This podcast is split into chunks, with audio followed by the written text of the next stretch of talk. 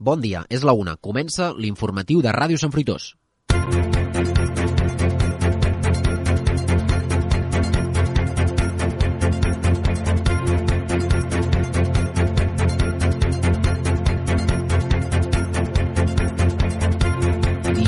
Divendres 15 d'abril del 2022, divendres sant, i aquí a l'informatiu de Ràdio Sant Fruitós us actualitzarem amb les notícies més destacades de la setmana i coneixerem de primera mà com s'estan preparant les pastisseries del Bages davant la compra de mones en una, san una Setmana Santa que sembla ser que serà més normal.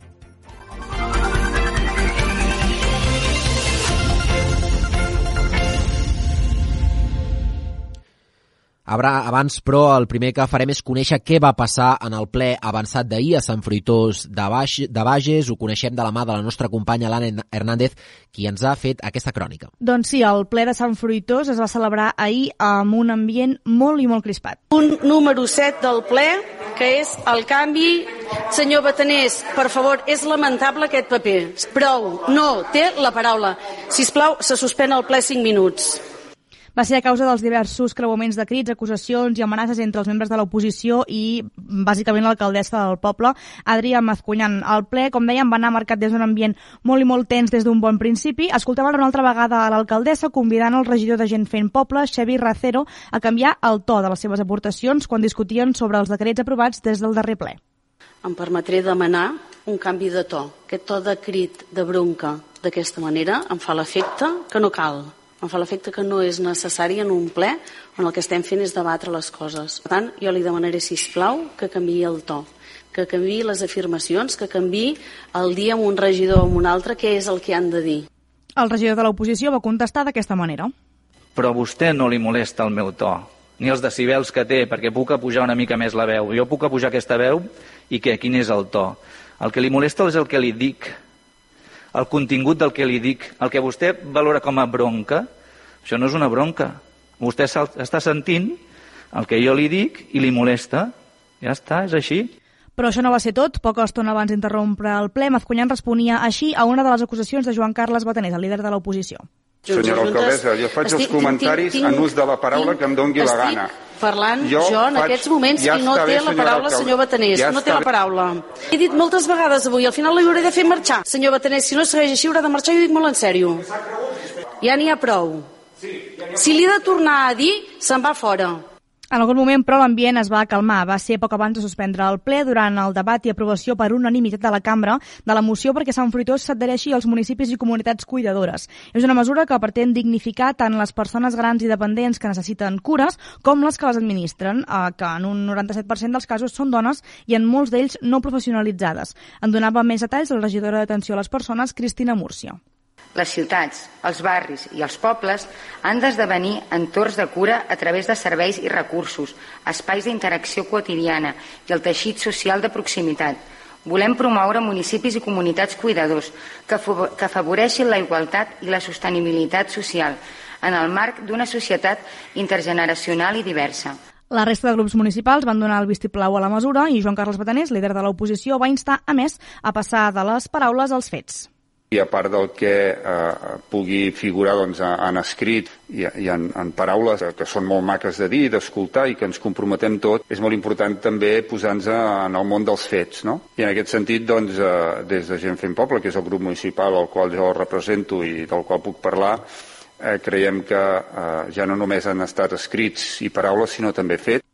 La resta de punts del dia que es van posar a votació sense la presència dels membres de l'oposició després de l'enganxada final van ser, en primer lloc, el canvi d'adscripció de l'àrea bàsica de salut del municipi i, en segon lloc, l'aprovació de la licitació del servei de menjador de l'Escola Bressol Les Oliveres.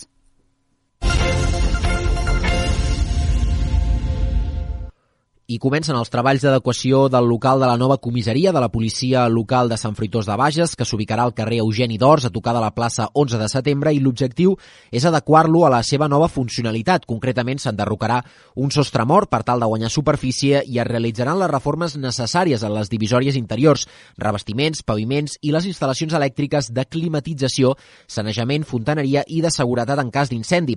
Aquest canvi d'ubicació dotarà el cos d'agents d'unes instal·lacions més operatives i modernes que es preveu que estiguin llestes en 5 mesos i mig.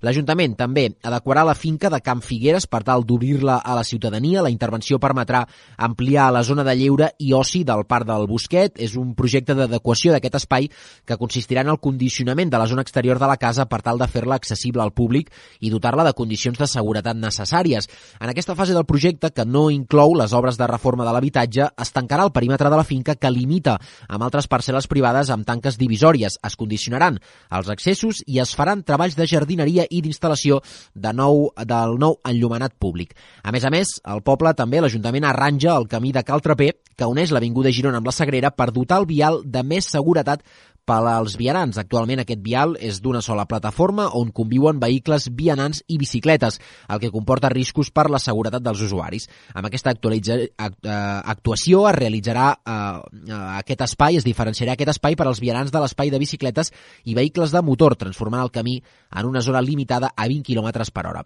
Es pavimentaran també de nou les parts del vial per vianants i també s'instal·laran zones enjardinades amb arbres i plantes arbustives per tal de fer-lo més funcional i estètic. Les obres també comportaran treballs de senyalització tant vertical com horitzontal. És previst que els treballs s'executin en set setmanes.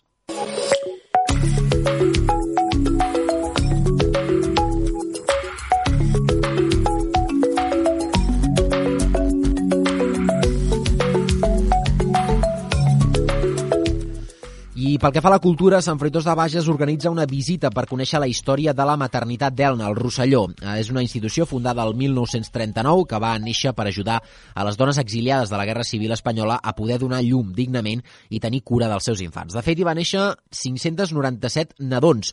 La sortida serà el dia 7 de maig i està organitzada per l'àrea de les dones de l'Ajuntament del Poble. Posteriorment, les persones assistents dinaran a la platja d'Argelers, que és l'espai que va acollir un dels camps de refugiats de moltes d'aquestes persones exiliades exiliades. La sortida finalitzarà amb la visita al municipi pesquer de Colliure. El preu de la sortida, que té entrades limitades i que inclou el transport, i la visita guiada és de 15 euros i les persones interessades han de realitzar la inscripció a l'àrea d'atenció de la ciutadania al carrer Padró 74. Les caramelles també animaran els carrers de Sant Fruitós aquest diumenge de Pasqua a Florida. El municipi recupera una tradicional celebració que els darrers dos anys s'ha hagut de viure des de cada casa a través d'aquesta ràdio, de Ràdio Sant Fruitós. Els caramellaires començaran les actuacions a les 10 del matí sota el cobert de la màquina del batre. A les 11 seran a Cal Casa Joana i mitja hora més tard faran parada a la plaça de l'Església. La darrera de les cantades serà a tres quarts d'una del migdia a la plaça de la Vila. Sant Fruitós recupera aquesta tradicional celebració que els darrers dos anys s'ha hagut de viure des de cada casa a través de l'emissió de peces musicals des de Ràdio Sant Fruitós i des de la megafonia que va animar els carrers del municipi. Donada la situació sanitària dels darrers mesos, la Coral Infantil i Juvenil no actuarà en aquesta edició, esperant poder recuperar per la pròxima Pasqua la cantada conjunta de grans i de petits. A més a més, el Museu de la Vinya i el Vi també acollirà la presentació del llibre La llibreta de la vinya americana, que narra de primera mà les conseqüències de la filoxera al Pla de Bages. Al finals del segle XIX i a principis del XX, la plaga de la filoxera va deixar assolat el paisatge de vinyes del Pla de Bages. Josep Baraldés i Ribó, un pagès de Castellnou de Bages, es va convertir en el que avui anomenaríem un emprenedor, un visionari que va saber trobar una via de sortida a la crisi vitivinícola que es vivia al territori. Comprant, venent, empaltant i plantant peus americans va aconseguir combatre la plaga de la filoxera, tot repoblant el paisatge de vinyes resistents i recuperant la producció del vi. La mateixa autora del llibre, Montse Perramon Auger, serà qui presentarà aquest llibre el proper dijous 21 d'abril a les 6 de la tarda al Museu de la Memòria de la Vinya i el Vi de Sant Fruitós. I finalment, un últim apunt cultural, la Biblioteca del Poble acollirà també la presentació de Sala i Ricardis i el Drac de Sant Fruitós. És el 19è títol de la col·lecció de contes de Sant Fruitós de Bages, impulsada per l'Ajuntament. El divendres 22 d'abril, és a dir, el proper, els infants de Sant Fruitós podran descobrir una nova aventura de gegants Sala i Ricardis que en aquesta edició es troben amb un ésser mitològic, un drac que robava llibres i que tenia tot el poble atemorit. Sala i Ricardis ajudaran el poble i el drac a conviure plegats i a compartir l'amor per lli pels llibres.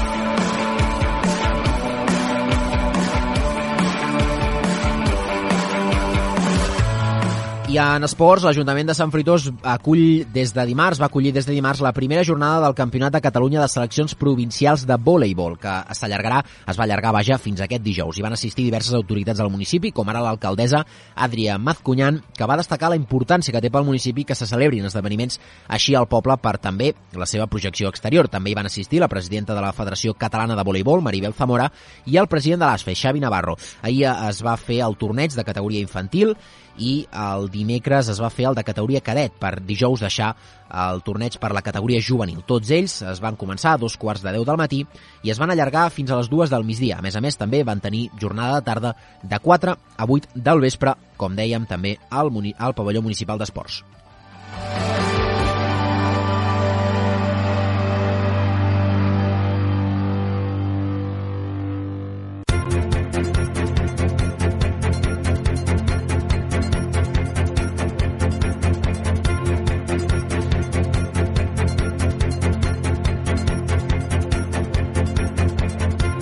Repassem alguna notícia més de la setmana al Bages que poden ser del vostre interès. Per exemple, el dia 2 de setembre de l'any 1979, Manresa va ser la seu de la primera assemblea de les diverses associacions de veïns de Catalunya. El passat dissabte, 43 anys més tard, la capital del Bages va tornar a l'assemblea de la Confederació d'Associacions Veïnals de Catalunya, la CONFAB, que arriba, arribava a la seva 37a edició. Entre els participants n'hi havia alguns d'històrics, membres que ja van participar a l'assemblea del 79 i que dissabte hi van tornar a ser. Entre ells hi havia el Víctor Feliu, membre de l'Associació de Veïns de la plaça de Catalunya de Manresa i que la setmana passada va passar per la central per parlar de tot plegat. L'any 79 nosaltres partíem de zero, vam quedar desbordats. I aleshores ens trobàvem que moltes persones se n'havien assabentat a través dels mitjans de comunicació que aquell dia se celebrava doncs, aquesta trobada a Manresa. I durant el matí va ser un degoteig constant de gent que venia a inscriure's perquè volia participar, fins i tot vam superar el miler de delegats i representaven a més de 200 associacions de veïns i és que l'any 79, a banda de les manques tecnològiques, n'hi havia moltes d'altres que la, dictadura, la dictadura s'havien portat. Per exemple, la necessitat d'ajuntaments democràtics i de representacions veïnals, però, però no només això que la dictadura havia fomentat l'especulació, i etc. Hi havia una manca d'equipaments total, de, de manca de llars d'infants, eh, eh, una sanitat doncs, molt deficient, que no hi havia res d'aquests centres sanitaris, aquests CAPs que hi ha ara, l'educació que encara no es podia fer en català, tot això forma part ja del passat i ara les associacions de veïns ja no són tan reivindicatives.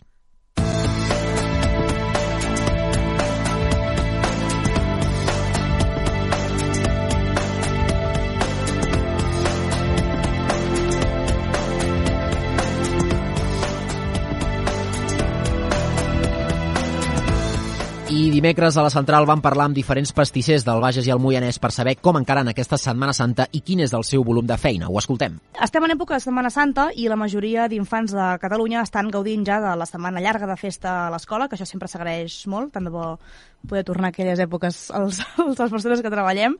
Un dels moments més especials d'aquesta festivitat és quan el padrí o la padrina et regala la mona. Ja no només per gaudir d'una trobada en família, sinó també per poder menjar sense remordiment tanta xocolata com vulguem. A la central hem volgut sortir al carrer i cada membre del nostre equip ha parlat amb caps i treballadors de pastisseries d'arreu de les nostres comarques per veure quina valoració estan fent de la Pasqua d'enguany.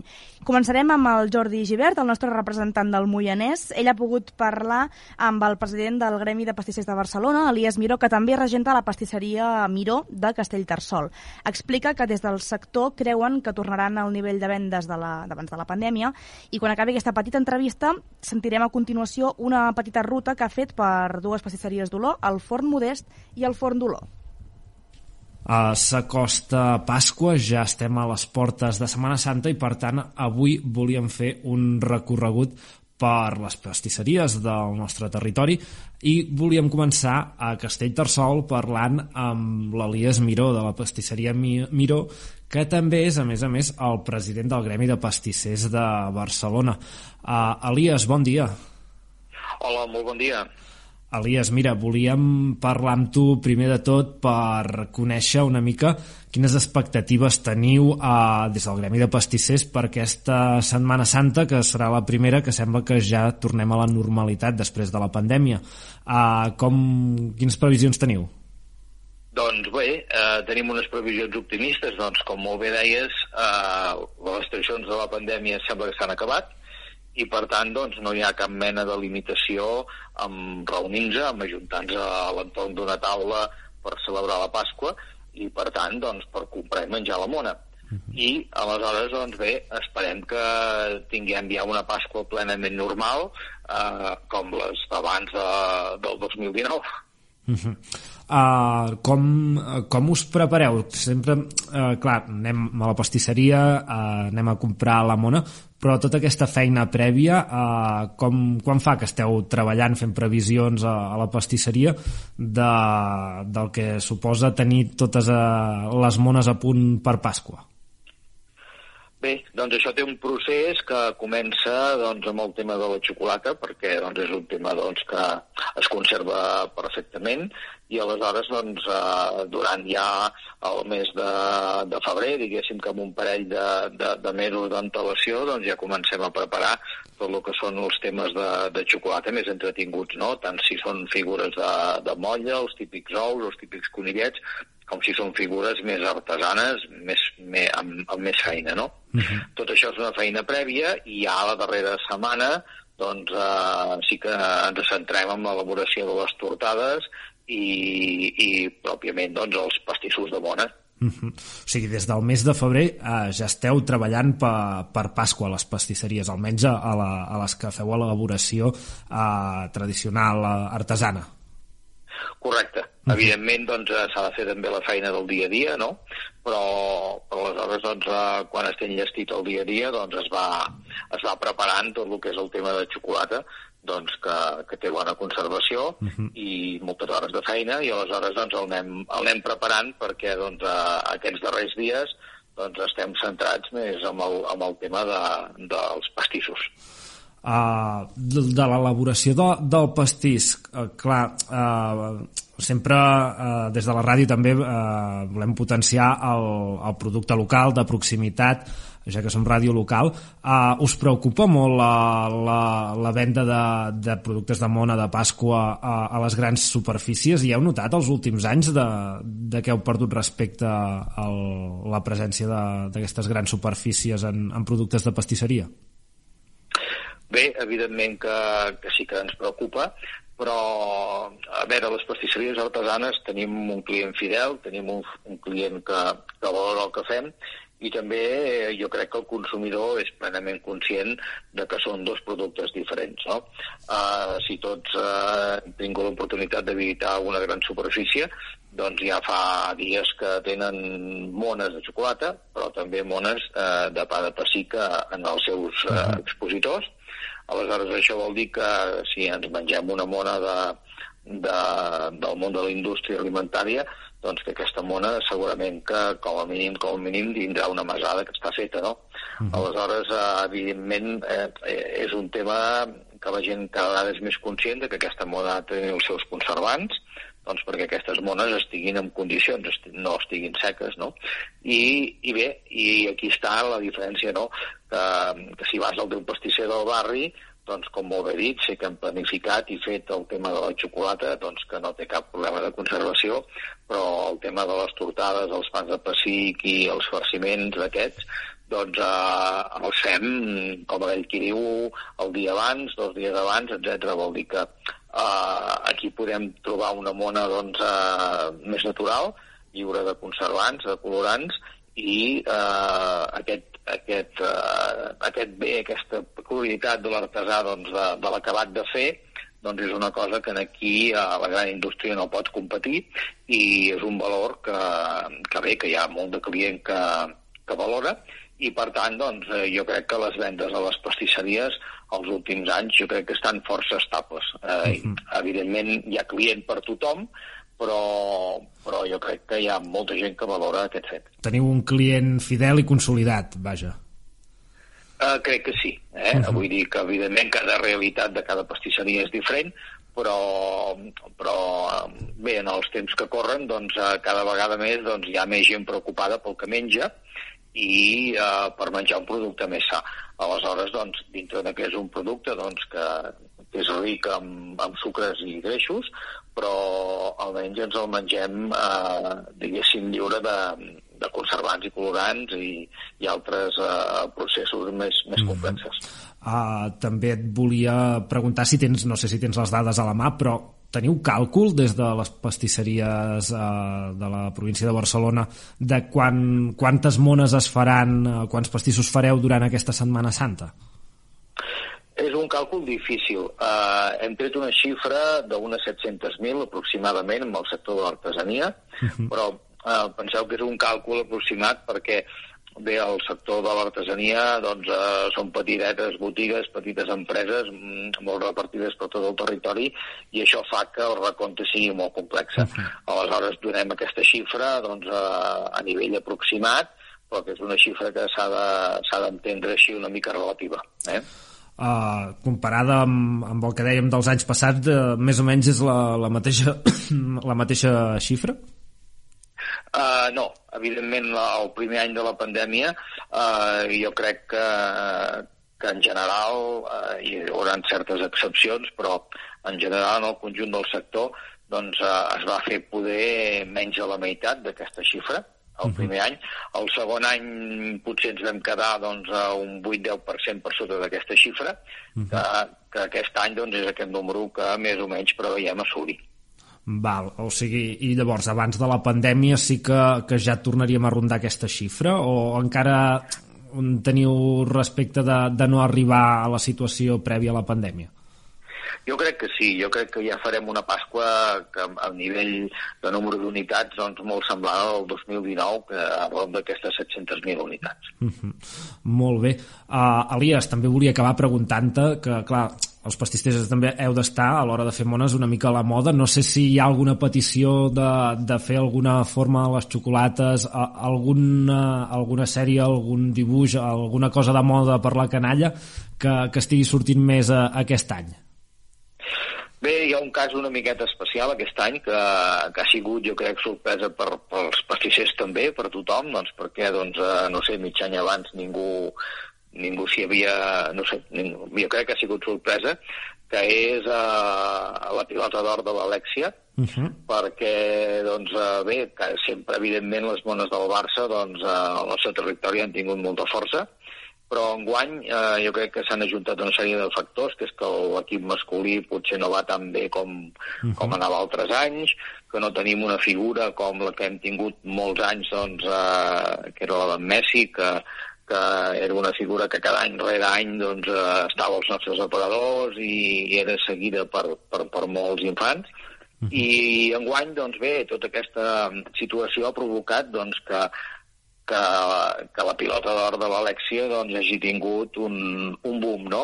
Uh, un boom que ha tingut també el futbol femení, uh, el, el ple del Camp Nou de fa pocs dies de 91.000 persones, uh -huh. en fi, una sèrie de qüestions que ha fet que aquesta mona doncs, els últims dies hagi agafat una força inesperada.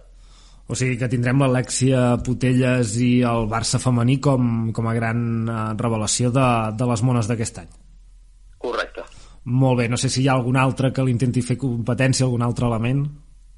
Uh, sí, evidentment que també hi haurà sèries uh, una mica pels, pels més grandets, aquestes sèries de la Casa de Papel, de, de la sèrie del Calamar, que, que ja són potser unes mones doncs, un pèl més adultes, després uh, pels, pels petits doncs, també tenim uh, un, un personatge doncs, que fa anys que, que havia estat entre nosaltres i que aquest any també no sé per quina raó doncs, sembla que ha pres força, que és el Pikachu dels Pokémon, uh mhm. -huh. que, no, que també, bueno, eh, d'allò. I després, eh, a nivell de, dels superherois, el, el, el Superman, no, perdó, el Superman, no, l'Spiderman, sembla que també eh, es vol quedar en una posició destacada eh, tots ells eh, seran visibles, però sobretot l'Spiderman està apretant també.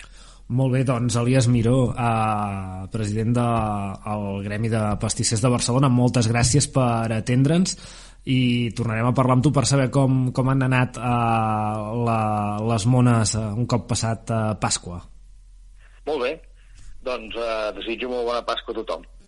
Gràcies, Elias. Comencem nosaltres ara una ruta per les diferents pastisseries i forns dels pobles de la central per saber què estan preparant els nostres especialistes per les mones de Pasqua. Començarem a Santa Maria d'Oló.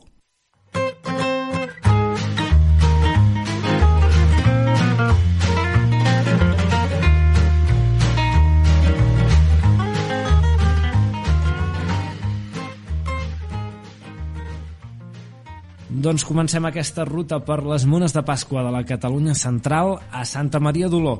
Som concretament a Cal Tutó amb l'Adrià Calafell i la Sara Jurado del Forn Modest. Bon dia, nois! Abans d'entrar en matèria, eh, ens podríeu explicar una mica la vostra història? Eh, tinc entès que sou un forn familiar, oi que sí? Nosaltres al final som forn familiar de tota la vida, vull dir, aquí a Oló hi havia Cal Tutó i Cal Modest, i ara casualitats de la vida estem tots a Cal Tutó i llavors, bueno, el, els avis i els besavis ho tenien aquí, el pare va baixar a Avinyó i ara nosaltres és això, cosa de fa un any tornem a estar aquí a Oló. Per tant, teniu establiments a Avinyó, Oló i algun lloc més de per aquí a la zona? I llavors també en tenim Artés. També fa un parell d'anys vam obrir la botiga Artés des que vam agafar amb la Sílvia i al final això, som la quarta generació i ara tenim aquestes tres botigues. Molt, molt bé. Volíem parlar amb vosaltres de les mones. Uh, no sé, teniu molta varietat de, de, de mones aquí. Uh, quines prepareu? Nosaltres en principi fem tres gustos. Uh, preparem les que són de mantega, les que són de fruita i les que serien de nata perquè sí que ens trobàvem que alguns anys doncs, la mantega i la fruita potser no, que eren les més típiques no agradaven i vam posar doncs, aquesta novetat de fer la de, la de nata i la de trufa. Molt bé, quina, quina és la que us demanen més o que us han encarregat més?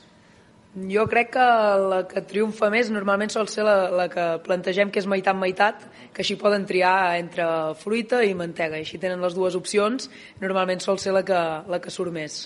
Estalviem discussions familiars sobre ah, exactament, exactament. Molt bé. Uh, llavors també us volia preguntar, uh, hi ha algun minutet, alguna cosa que, que cridi més l'atenció, que demanin més, que, que està de moda aquest any? Aquest any estan de moda, que no sabria dir-te el nom perquè no, no són de cap sèrie, aquests unicorns, uns unicorns que han sortit uh, que tenen, bueno, uh, són, hi ha un que sembla una zebra vella i l'altre que és un unicorn, i després nosaltres també tenen molta sortida els típics, com la Frozen, el Mickey, o aquests monstres de colors, que, so, que són d'un llibre o pels més petits el MIC. Sempre són els, els típics de sortida fàcil. Molt bé. També us volia preguntar, tornant una mica a la mona, com les elaboreu vosaltres, a, a, a on les feu? Eh, pots explicar una mica la recepta? Al final nosaltres ara estem treballant a l'obrador d'Avinyó, el d'aquí Oló ja va quedar, va quedar vell i està tot actualitzat i centralitzat a Avinyó, i al final la mona és el que diem, vull dir, secret, secret no en té, vull dir, al final és que els ingredients siguin bons per fer un pa de pessic que sigui correcte, una bona llet, farina, ous i sucre, treballar-ho bé i la mantega el mateix, vull dir, agafar mantega que sigui bona, en aquest cas nosaltres agafem del Gran Germangol de Vic, vull dir, el producte que podem aprofitar de proximitat i que sigui bo ho aprofitem, la fruita confitada el mateix, vull dir que sigui un producte correcte. La nata també treballem amb Gran Germangol. I a partir d'aquí l'altre eh, surt sol. Vull dir, és que no és, a vegades sembla que hagi de ser una cosa molt, molt complicada, però realment vull dir, és, és seguir la tradició i amb ingredients que siguin correctes. Teniu previsió de quantes mones fareu amb aquests pobles d'Artés, Avinyó, Oló? Eh, quantes mones ens menjarem? Aquí nosaltres ens en podem anar unes, més o menys, unes 300, però també depèn. Vull dir, per exemple, l'any que estaven confinats ens hem trobat que en vam fer més, perquè la gent les agafava petites i per casa. Aquest any estem tornant a tirar cap a mones grosses i una miqueta és el que estem veient. Vull dir, la gent es torna a juntar i llavors, clar, veus el total de mones sí que és menys mones, però a nivell de quantitat i de pes de matèria n'hi ha més. Torna a haver-hi més quilos, hem de comptar en quilos, veig. Sí, que aquest any vull dir, sembla que tornarà a ser un any normal abans de la pandèmia i sí, sí, tornarà a haver-hi tornar a haver quilos de mona a les cases. Molt bé, doncs moltes gràcies i us deixem treballar. Gràcies. Moltes gràcies. Pa, pa, pa.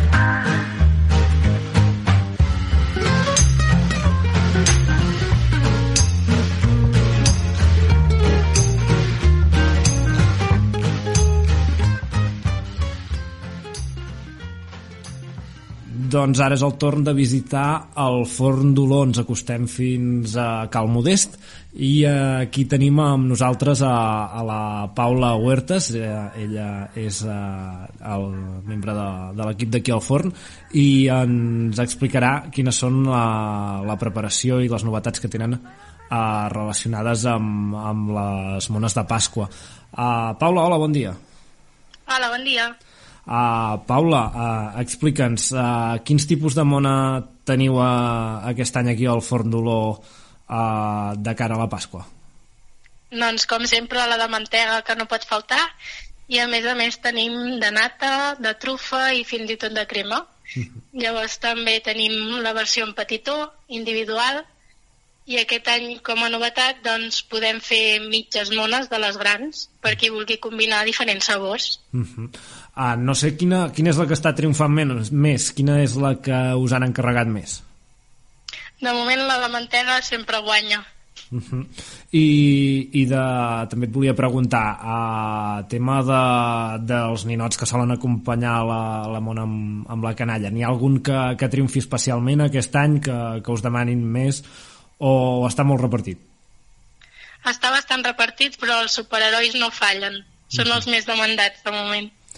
I també us volia demanar uh, com uh, heu obert uh, recentment aquí a Santa Maria d'Oló al, al forn, com, com sorgeix l'oportunitat, uh, ja teníeu tradició a la família, ha estat un repte nou, com, com heu decidit fer aquest pas? ha estat un repte nou que va aparèixer així per sorpresa i ho hem agafat amb moltes ganes i de moment endavant i amb, i amb força. Uh -huh. Molt bé, doncs, uh, Paula, moltes gràcies. Uh, us deixem continuar treballant, que segur que aquests dies aneu molt enfeinats. Moltes gràcies.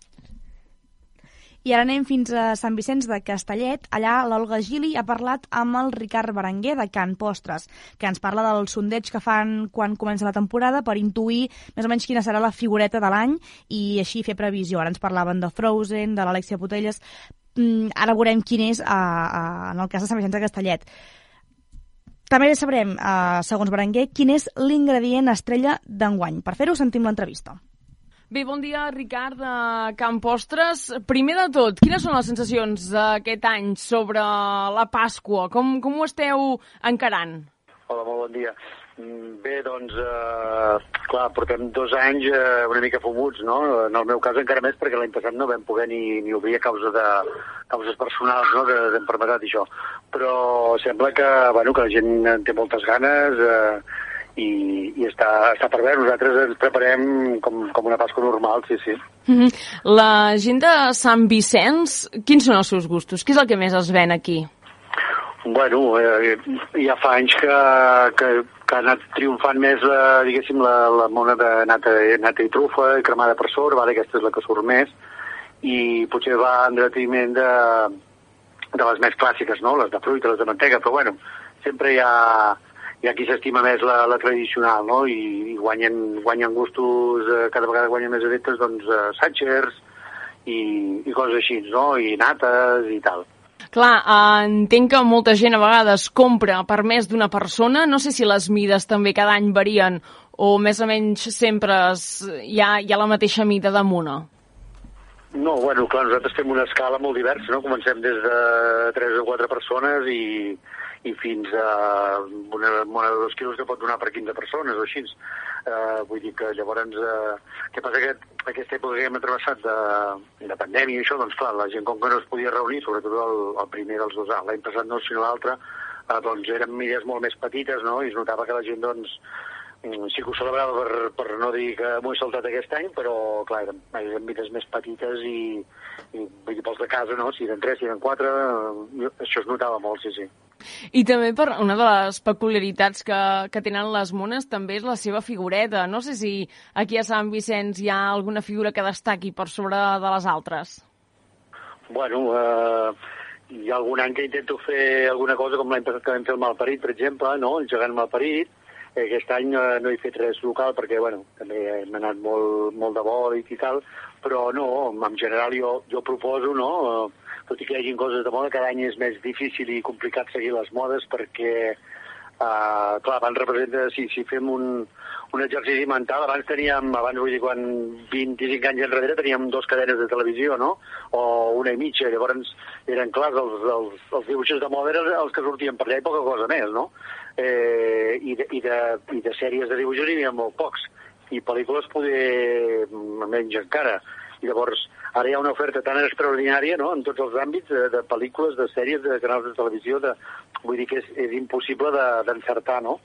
Llavors intentem doncs, parlar amb, doncs, amb, amb famílies no, que tenen eh, nanos amb, amb edat de nens i nenes no, i per, per intentar copsar doncs, eh, cap on aniran els tres, però és molt complicat.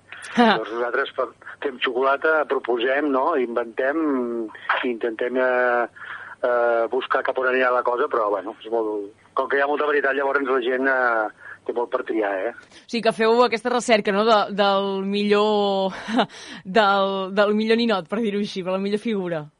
No, però no, no, almenys jo, jo no jugo això, és a dir, anem a veure quin és i d'aquests en faré 100 i dels altres en faré dos. No, jo faig una escala entre ells eh, que hi hagi els possibles de moda, però l'experiència m'ha demostrat que de vegades eh, uns que tenien molt bona fama i que semblava que s'ho havien de menjar tot, me'ls he menjat tots jo, vull dir que...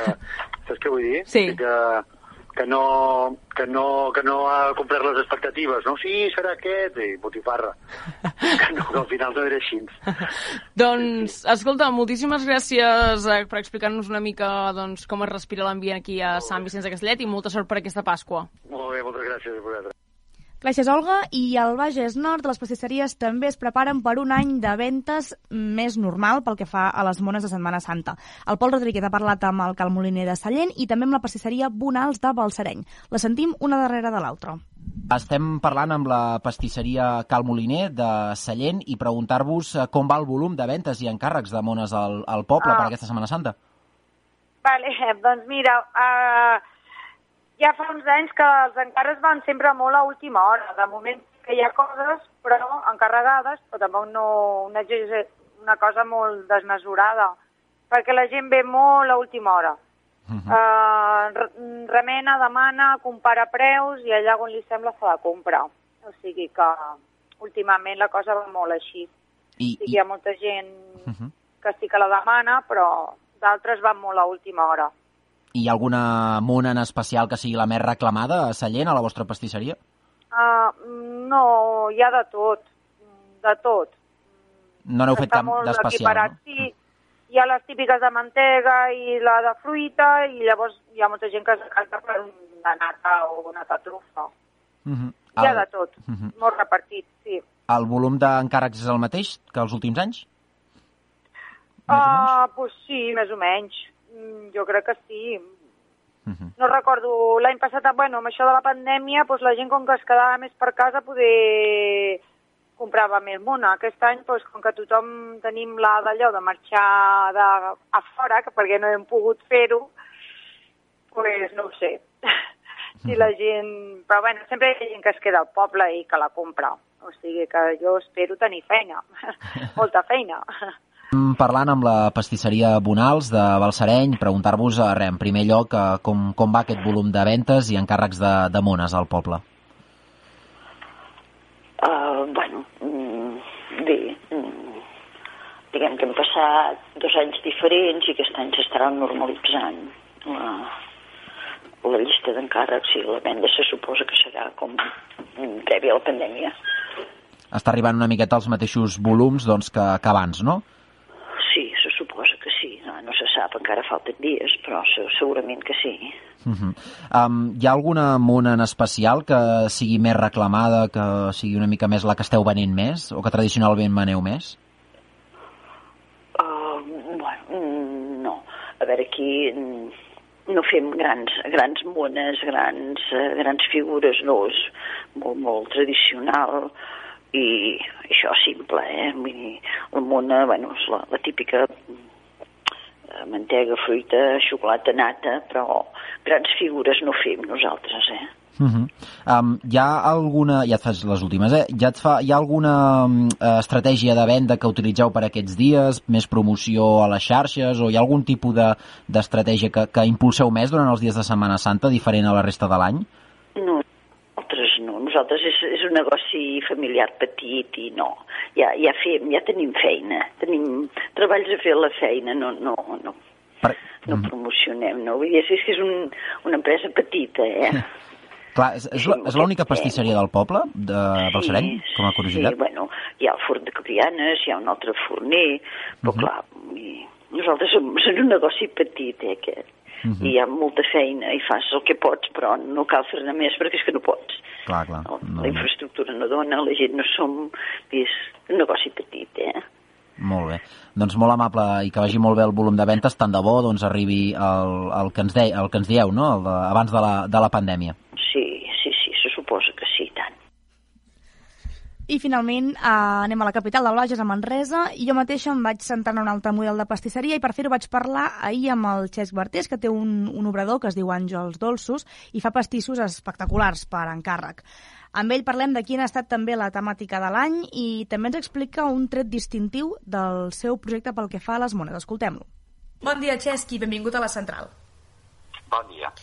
Com estàs vivint aquesta setmana pel que fa a demandes de mones? Uh, bastant forteta. Comparació d'altres anys sembla que s'ha animat una miqueta més, però tenim bastanta, bastanta feina, sí.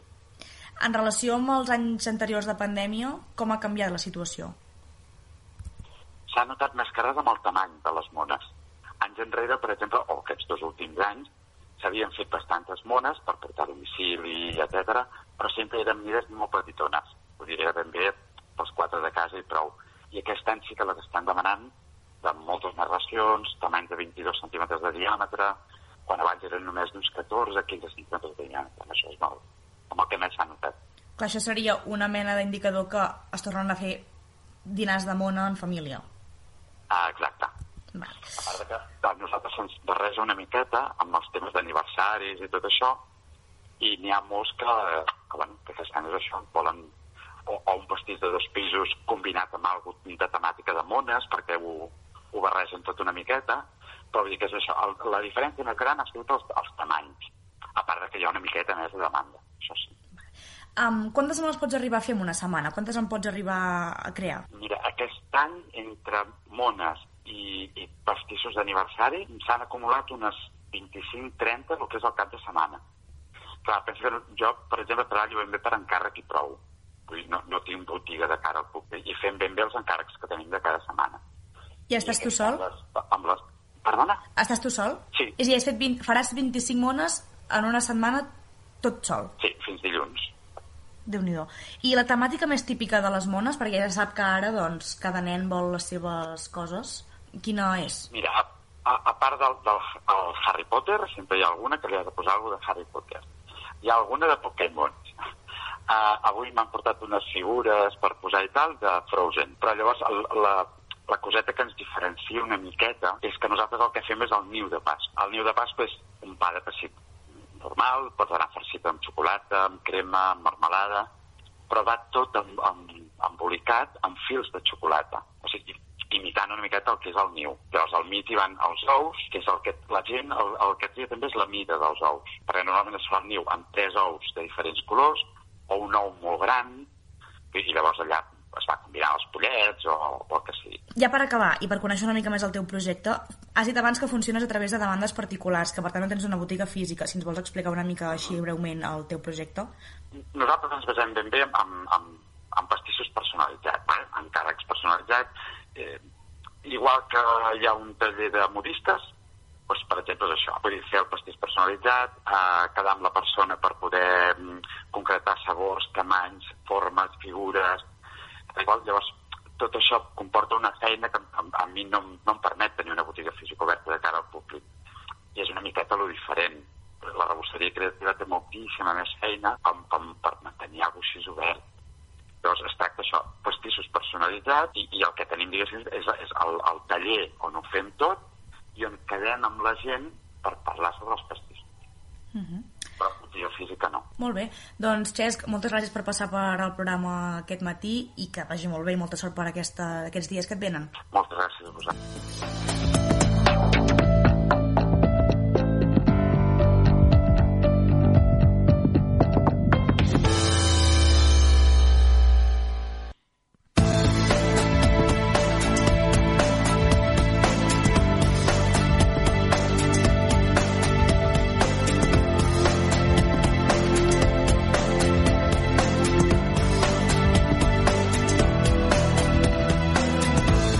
Sant Fruitós de Bages treballa en l'elaboració d'un pla per la millora de la realitat dels infants i els adolescents. Infants, adolescents, ajuntament i entitats treballen conjuntament en la seva elaboració. Ens ha parlat d'aquest programa, d'aquest pla, la regidora d'Afers Socials, Cristina Múrcia. Aquí hem aprofitat per preguntar-li també sobre totes les iniciatives que està fent el poble per solidaritzar-se amb la guerra d'Ucraïna. Cristina Múrcia, bon dia, com estàs? Bon dia, Pol. Doncs molt bé. Encantada d'escoltar-te, com sempre. Sant Fruitós treballa en aquesta elaboració d'un pla per la millora de la realitat dels infants i els adolescents. Infants, adolescents, ajuntament i entitats treballen conjuntament en aquesta elaboració. Explica'ns com neix aquest, aquesta iniciativa o aquest programa, no sé si dir-li així, i en què consisteix. Molt bé, doncs vaja, mira, això neix de l'any 2021. Com sabeu, els ajuntaments tenim a disposició doncs, molts recursos que ens venen oferts des de la Diputació de Barcelona. Aleshores, eh, a mi em preocupava molt el tema de poder donar resposta a les necessitats reals dels infants eh, de la primera infància, de, de la segona infància i, de, i dels joves de, del nostre municipi. Aleshores, mm, per tal de poder donar els recursos necessaris, vàrem demanar a la, a la Diputació de Barcelona el recurs tècnic d'elaborar aquest pla de necessitats del nostre municipi per, municipi per poder donar respostes a les diferents necessitats d'avui. I en, en vista quasi a 18 anys, no? perquè tots aquests nens que avui tenen un mes, dos mesos, estan naixent, quines seran les seves necessitats a llarg termini, quines són les necessitats a mig i curt termini dels, dels nens i nenes que avui són infants o adolescents, i amb, aquesta, amb aquest objectiu doncs ens vam posar manos a l'obra i vam demanar doncs, aquest recurs tècnic que ofereix la Diputació de Barcelona d'aquesta elaboració d'aquest pla, d'aquesta diagnosi no? de, de necessitats i d'aquestes respostes a quins són els recursos que seran necessaris. Aleshores, per poder fer aquest treball eh, de forma totalment transversal i tenint en compte totes les visions dels diferents agents que estan dintre de la, del dia a dia de Sant Fruitós i del dia a dia dels infants, doncs com molt bé has dit a l'inici, es té en compte la visió d'entitats, del municipi i, com no podia ser d'altra manera, doncs de les escoles, de les associacions de pares i de mares i famílies, de les entitats esportives, de salut i de serveis socials, que és d'on penja doncs, aquest pla. Aquest és l'objectiu, poder donar als nostres infants i als nostres joves i als nostres adolescents els recursos necessaris per al seu desenvolupament. És un treball cooperatiu, segons ens dius, de diferents entitats i, i col·lectius. Quin, eh, eh, quina és la, la necessitat que heu pogut detectar, potser pel que fa al jovent del poble, per tirar endavant aquest pla, aquest eh, programa? Aviam, la necessitat, eh, les necessitats sempre hi són, no?, de millora dels serveis, però sí que és veritat que, que ha passat alguna doncs, que ha estat molt important no? i que hem patit tots, però que han patit molt dos sectors de la població molt importants com són la gent gran i com són els infants. En aquest cas, aquesta pandèmia ha posat de manifest moltes més problemàtiques i tot i que era una, una necessitat que jo ja eh, tenia pendent, no?, de dir com podem millorar, què més podem fer doncs, perquè els nostres joves, els nostres nens eh, tinguin un esbarjo de qualitat, tinguin unes necessitats més enllà de les escolars de qualitat i quines són les necessitats que tenen i que nosaltres doncs, no sabem, no, no, no arribem a detectar. Mm -hmm. Aleshores, el que ha fet la pandèmia és, a banda de que totes aquestes ja hi eren, posar de manifest altres necessitats que avui tenen els nostres joves, perquè molts d'ells han perdut dos anys de fer coses que tocaven. No? O sigui, tu, tu amb un noi de 16 anys no li pots explicar que, que ara en té 16 no? i que el que ve de fer amb 14 i 15 ja ha passat i no, i no ho podrà fer. Però avui li hem d'explicar, perquè els 14 i els 15 no tornaran. Totes aquestes restriccions que han fet que no poguéssim viure moltes coses, doncs ja no tornaran. I en primera infància el mateix, o sigui, hi ha nens que han estat confinats amb sis mesos de vida i els han desconfinat o han pogut tenir una vida normalitzada a partir de, de, del seu segon any, no? o simplement no han vist encara una, una cara descoberta. Són petites coses que ens han d'ensenyar a que hem de poder donar respostes a aquestes noves necessitats que tenen els infants i els joves. És un programa que elaboreu conjuntament amb el, amb el Consell d'Infants, també joves i entitats del municipi, a més d'Ajuntament. Què aporta cada part a aquest pla? Què aportarà? Aviam, és un programa que lidera l'Ajuntament, la, juntament amb Diputació i una empresa que es diu Índic, que és la que se n'encarregarà de fer aquesta diagnosi de recursos. Llavors nosaltres per nodrir-nos fem servir, doncs, com et deia, no? tota la visió dels diferents agents que estan directament implicats en l'educació dels nens i de les nenes. No? Llavors el que eh, aportarà, sobretot, serà la totalitat de les mirades de tots. I això és el que farà que, que, el, que, la, que la diagnosi aquesta, quan estigui acabada, no sigui una diagnosi de desitjos polítics, sinó una diagnosi que ha estat impulsada políticament, però amb la visió dels agents directament implicats amb la, amb la vida dels nens. Ara ho deies, eh? es troba en fase de diagnosi, per tant, mm, doncs, no s'han concretat encara accions concretes d'aquest pla, però, vaja, quan preveus que, que es podrà canviar de fase i, i començar ja a anunciar mm, iniciatives, mesures, accions, esdeveniments, vaja, una miqueta accions més concretes també perquè la població les pugui conèixer. Quan, quan creus que es podria canviar de fase? I quina és la següent? Hi ha un, cron hi ha un cronograma que, que va, va enganxat no, a tota aquesta fase de treball, i, i de moment doncs, estem, estem seguint-lo, tot i que haurien d'haver començat una mica abans, però el tema de, de les últimes restriccions que vam tenir a l'última part de l'any 2021 doncs, ens va fer que aquesta reunió més transversal que vàrem tenir ja amb les entitats no la poguéssim tenir fins fa 15 dies. Aleshores, esperem que durant aquest any 2021, ai, 2022 perdó, ja puguem tenir doncs, aquest, aquest, aquest pla amb uns recursos ja ben definits. Canviant de tema i aprofitant que, que t'hem eh, pogut trucar, Cristina, aquest cap de setmana passat eh, vau fer aquesta botifarrada solidària per recaptar fons per Ucraïna. Eh, va ser doncs, eh, tot un èxit si mires les xifres, però vaja, ara uh -huh. et volia preguntar si, si bé, com va anar i si es poden explicar en què consistia la iniciativa. Uh -huh. Doncs bé, Pol, la, la botifarrada va ser una de les accions més que l'Ajuntament de Sant Fruitós eh, té i estan treballant des de que malauradament va, va esclatar aquesta, aquesta guerra absurda, no? que sembla que quan tots ens llevem i posem al matí les notícies sigui un malson que, que es fa realitat cada matí. Aleshores, nosaltres des, del, des de... Bueno, la, la guerra va esclatar el dia 25 i nosaltres el, el dia 1 de març ja estàvem doncs, eh, remengant-nos per veure com es podia ajudar des de Sant Fruitós doncs, a, a que tot això, sobretot els civils i les persones, els nens, la, la gent gran, eh, homes, dones, tothom, puguem doncs, ajudar i posar el nostre granet de sorra. Aleshores, el primer que es va, es va fer, juntament amb, amb tot, amb les escoles, va ser un recapte d'aliments i de roba d'abric, també obert a tota la població, amb diferents punts de recollida. Eh, els punts eren les escoles, l'Ajuntament i el Nexe, i durant tota la primera setmana de març i fins al 9 de març es van, es van fer, doncs, es va dur a terme aquesta, aquest recapte. Després, eh, de forma simultània, es va estar treballant també amb, amb famílies que, doncs, que tenien previst poder acollir a, a persones familiars al seu municipi i d'altres que de forma altruista doncs, van posar a disposició la seva vivenda per tal de poder eh, donar sostre a persones doncs, que, que estaven fugint d'aquesta barbàrie. L'Ajuntament el que es va posar va ser treballar mano com mano amb aquesta família per tal de poder realitzar doncs, un, un, un document que diu Comodat per tal de poder ajudar aquesta família, aquesta família amb, el, amb les despeses que ocasionin doncs, el, el, la subsistència d'aquestes persones aquí a nivell de subministrament. No?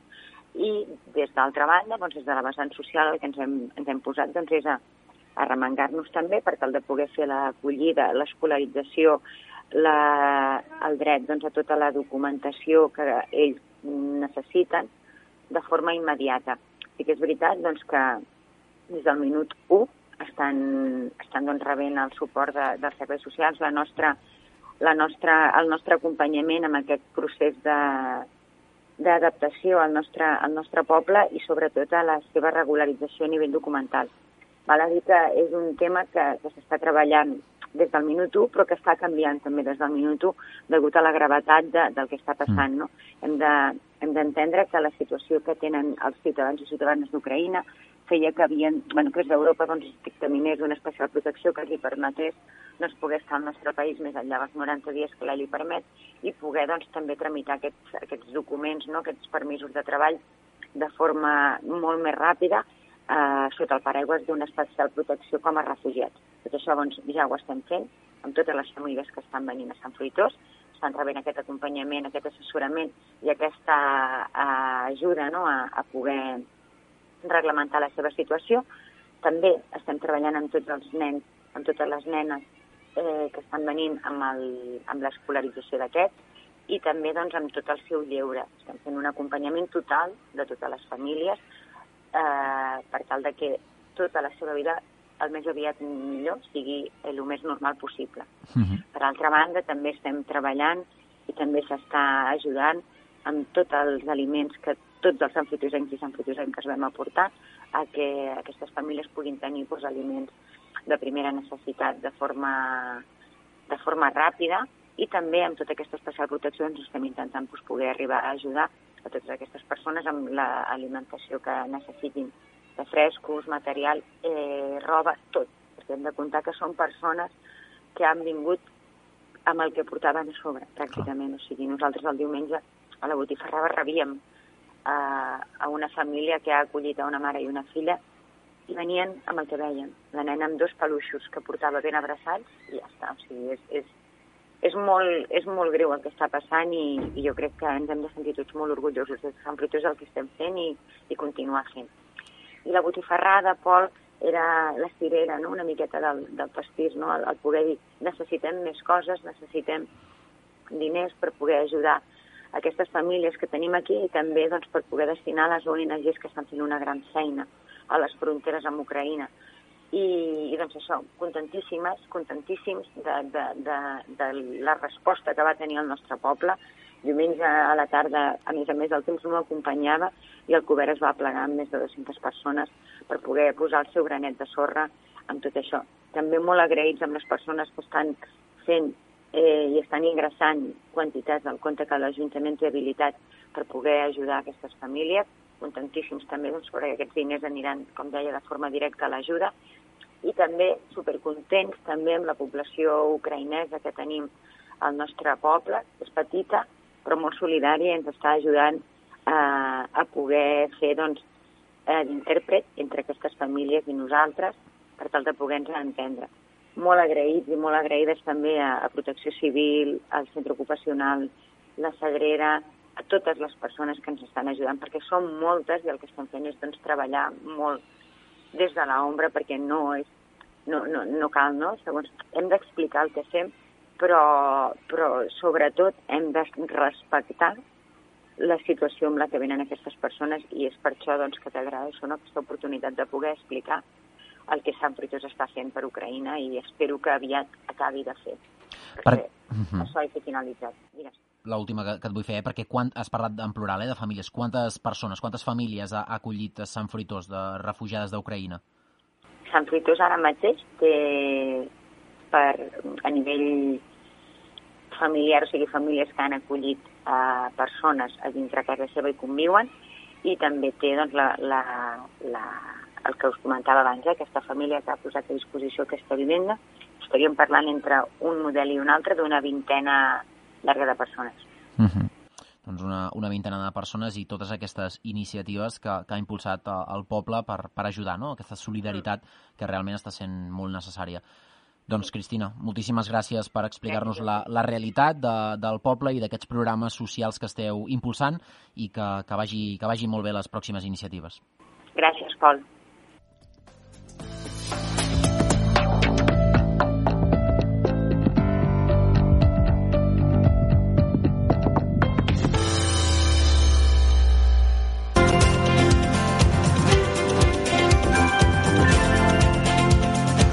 Fins aquí l'informatiu de Sant Fruitós de Bages. Us ha parlat el Pol Rodríguez. Recordeu que podeu recuperar l'informatiu en podcast al webs de radiosantfruitós.cat i onabages.cat. Gràcies per escoltar-nos i ens retrobem de nou divendres que ve a la 1 al 107.5 de la FM, que acabeu de gaudir molt la Setmana Santa.